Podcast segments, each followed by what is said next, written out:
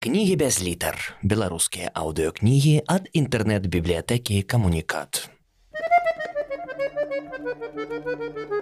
Артур Клінаў. Локісаў. Раман.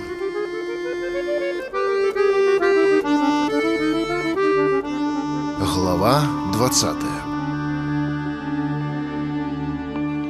У вестыбюлі гатэля цяпер усё выглядала куды больш сціпла. Зграя паляўнічых у камуфляжах паменшыла, Мабыць, стаміўшыся ад начной вахты, частка козелаў, дзевераў сватоў і шваграў разышлася па нумарах спаць. Тыя, хто застаўся, паціху кімарылі ля тэлевізара на мяккай канапе. У баку за часопісным столікам некалькі маладзёнаў моўчкі няспешна перакідваліся ў карцішкі, падбарочнай пластыкавай вазай пахропваў дзед з вялікай сівой барадой і надзіва даўгімі вусамі. Відаць, ён быў самым старым козелам у зграі. За стойкай рэцэпцыі самотна сядзеў каваль гена і выразаў сцізорыкам нейкую драўляную ліпяздрульку, падобную ці то на каня з лісіным хвастом, ці то на лесу з вялікай конскай сківіцай. Заўважыўшы локісава, ён тут жа сунуў ліпяздрульку ў шуфляду і зноў хапіўся рукамі за нейкі прадмет, разгледзець, які пад сталом локісаў не мог. Сваты са шваграмі таксама схамянуліся, адарваліся ад карты, навялі на госця густыя калматыя бровы. Вольна, вольна, не ўставайце, адбой. Паўжартам падбадзёраў іх локісаў і наўпрост накіраваўся да гены. Наблізіўшыся, ён нахіліўся над стойкай і паўшэптам прамовіў: « Геннаць, вы як бачу неблагі скульптар, але спадзяюся, яшчэ лепшы бізнесмен. Я прапаную добрую, а галоўнае вельмі карысную для вас здзелку. Локісаў патыліцай адчуў, як зграе шваграў за спінай навастрыла калматыя вушы. Прадайце мне тое, што ў вас пад сталом яшчэ цішэй, каб не чулі козелы, прашаптаў ён: « Я дам вам за гэта прыстойныя грошы.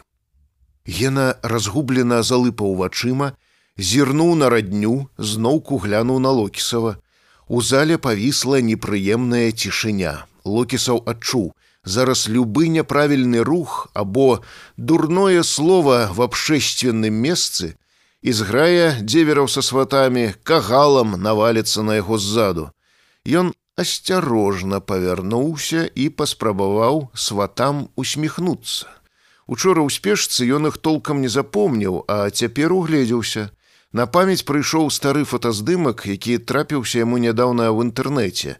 Сяляне нейкай губерні пачатку два стагоддзя, панурыя мужикі закладістымі сівымі бародамі, у кажухах, несувымерна вялікіх валёнках і калматых шапках. На гэтых праўда замест кажухоў былі паляўнічыя пярэстыя камуфляжы, Аднак паглядалі яны на локісава гэтаксама, як сто гадоў таму мужикі на блыху, а калі больш дакладна на залётнага фатографа з недаверам і цікаўнасцю. Вы гэта баран пра што? Нарэшце падаў голас гена. Ну што тут незразумелага, Локісаў павярнуўся. Ствол мне патрэбны. Ды лепш не валына самапальная не абрэз а шмат зарадны паляўнічы карабін. Ну гэта! Замычаў як зазвычай гена. Дзе ж яго ўзяць? Что значыць дзе ўзяць? Страціўшы раўнавагу павысіў голас локісаў вунь у вас на канапе цэлы арсенал сядзіць або сваё тое што под столом хаваеце прадайце не тужліва працягнуў адказ гена Гэта не ніяк. Зброі ў нас тут ніхто не трымае. Ён зноў дастаў шуфляды ліпяздрульку, даючы зразумець, што размова скончана. Локісаў краем вока асцярожна азірнуўся за спіну, козелы, зразумеўшы, што пагрозы няма, трохі расслабіліся, адставілі ў бок карабіны і вярнуліся да сваіх заняткаў. Толькі стары падбарочнай вазай круціў доўгі вуз, і глядзеў на яго ва ўпор быццам трымаў на мушцы. Так, зразумела, нічога няма, суха прамовіў локісаў. Разалію пакліч, Ды гэта спіць яна. Няважна, пабудзі, скажы, гаспадзін граф прыйшоў па пытанні, якое не церпіць адкладання.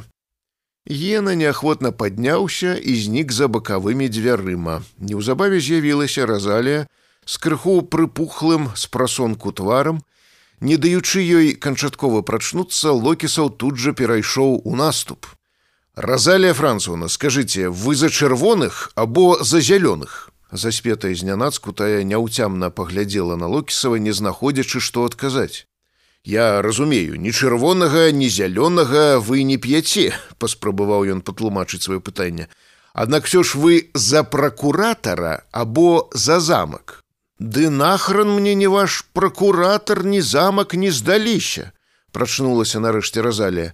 Мы не за тых, ні за гэтых, мы самі па сабе. Што добрага ваш пракуратар нам зрабіў? Толькі ведае, што шчаміць малы бізнес, быццам мы не людзі, а вошы якія усё нейкія паборы новыя прыдумляе, то на бібліятэку трасе, кажа, маўляў, нашы зборы эзотэрычнай літаратуры павінны быць лепшымі не толькі ў раёне вобласці, але і ў свеце, дайце грошай. А паспрабуй не даць. Тут жа на цябе якую-небудзь халеру ці санстанцыю нашле, ці яшчэ ўсе абласное свята паганскай песні славянскі калаўрат прыдумае. А вы гэты калаўрат бачылі, Ну чыстая свастыка далі Бог, толькі скругленая. І што вы думаеце, на гэты калаўрат не толькі з нашага, але і з усіх суседніх раёнаў да нас два тузіны мядзведзяў прыязджаюць і тры тузіны казлоў, А ўжо зайцоў, лісаў, ласёў, ваўкоў і янотаў сялякіх дык і не злічыць, якіх яшчэ мядзведзяў, здзіўлена перапытаў локісаў. Ну, зразумела, якіх мужикоў у шкурах мядзвежых. Некалькі дзён ходзяць па пасёлку п'яныя з казлінымі пысамі, спяваюць, рагочуць, не калаўрат, а калаблуд нейкі. А ў клуб дык і наогул не ўбіцца. Яно з аднаго боку як бы добра і госці, і тутэйшым свята і гасцініцы прыбытак, Ды толькі пракуратар таваш кажа: вы гатэльны бізнес, спонсары сяліце людзей па сабе кошце, а яшчэ лепш бясплатна. А не жадаеце, то заўтра пажарнікі з праверкай прыедуць. Вось і ўвесь бізнес. Усе абласны злёт паганскай песні прайшоў, Казлы з лісіцамі ў цябе ў нумарах папілі, пакалаблудзілі, а ты ў мінусе. Бывае, што яшчэ і рушнікі з сабою прыхопяць. Маскалі з замка хоць у кішэню не лезуць, нейкія там гешэфты сабе цішком абцяпваюць, А так іх не відаць і не чуваць, хоць я маскалёў не люблю. Чорт яго ведае, чаго ад іх чакаць. Возьмуць ды адкрыюць у замку замест казіно гасцініцу. Як нам з імі тады канкураваць? Ды і дзед мой з імі ваяваў яшчэ ў грамадзянскую пад варшавай, а потым з жалігоўскім вільню браў, А тут да вільні рукой дастаць і ўсе сваякі ў мяне там, А бачыце, як выйшла. Мы на гэтым краі зямлі, а яны на тым, а паміж намі прорва. А некалі было добра, добра, разаля францаўна. Я зразумеў, вы не з партыі пракуратара, гэта вельмі добра.